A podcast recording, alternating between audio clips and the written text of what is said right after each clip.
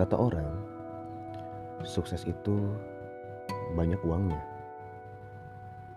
Kata orang, sukses itu mobilnya mewah dan banyak. Kata orang, sukses itu rumahnya besar dan mewah. Kata orang, kata orang, dan kata orang. Kenapa harus selalu kata orang? Kapan mau mulai mendengarkan kata hati dan kata pikiran sendiri?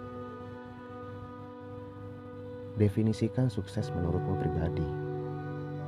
Kemudian, tentukan standar suksesmu seperti apa, baik di bidang keuangan, kesehatan, percintaan, dan lain-lain. Lalu, temukan seorang mentor, pelajari strateginya, capailah sukses versi kamu. Mari sobat, jemput kesuksesan.